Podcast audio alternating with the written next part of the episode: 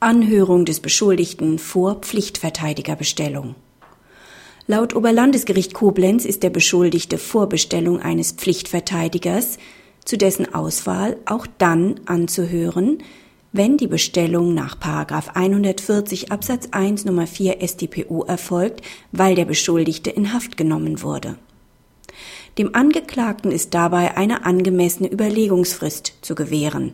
Wenn der Beschuldigte bereits unmittelbar bei Verkündung des Haftbefehls auf die Ausübung seines Wahlrechts verzichtet, kann es in Anbetracht der überraschenden und belastenden Situation fraglich sein, ob er sich der Tragweite seines Verzichts bewusst war.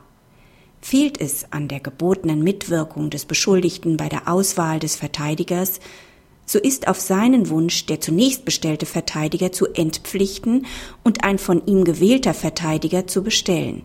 Dies gilt auch dann, wenn Anhaltspunkte für eine Störung des Vertrauensverhältnisses nicht bestehen. Praxishinweis. Die Entscheidung stärkt das für ein faires Verfahren essentielle Mitwirkungsrecht des Beschuldigten an der Auswahl seines Verteidigers.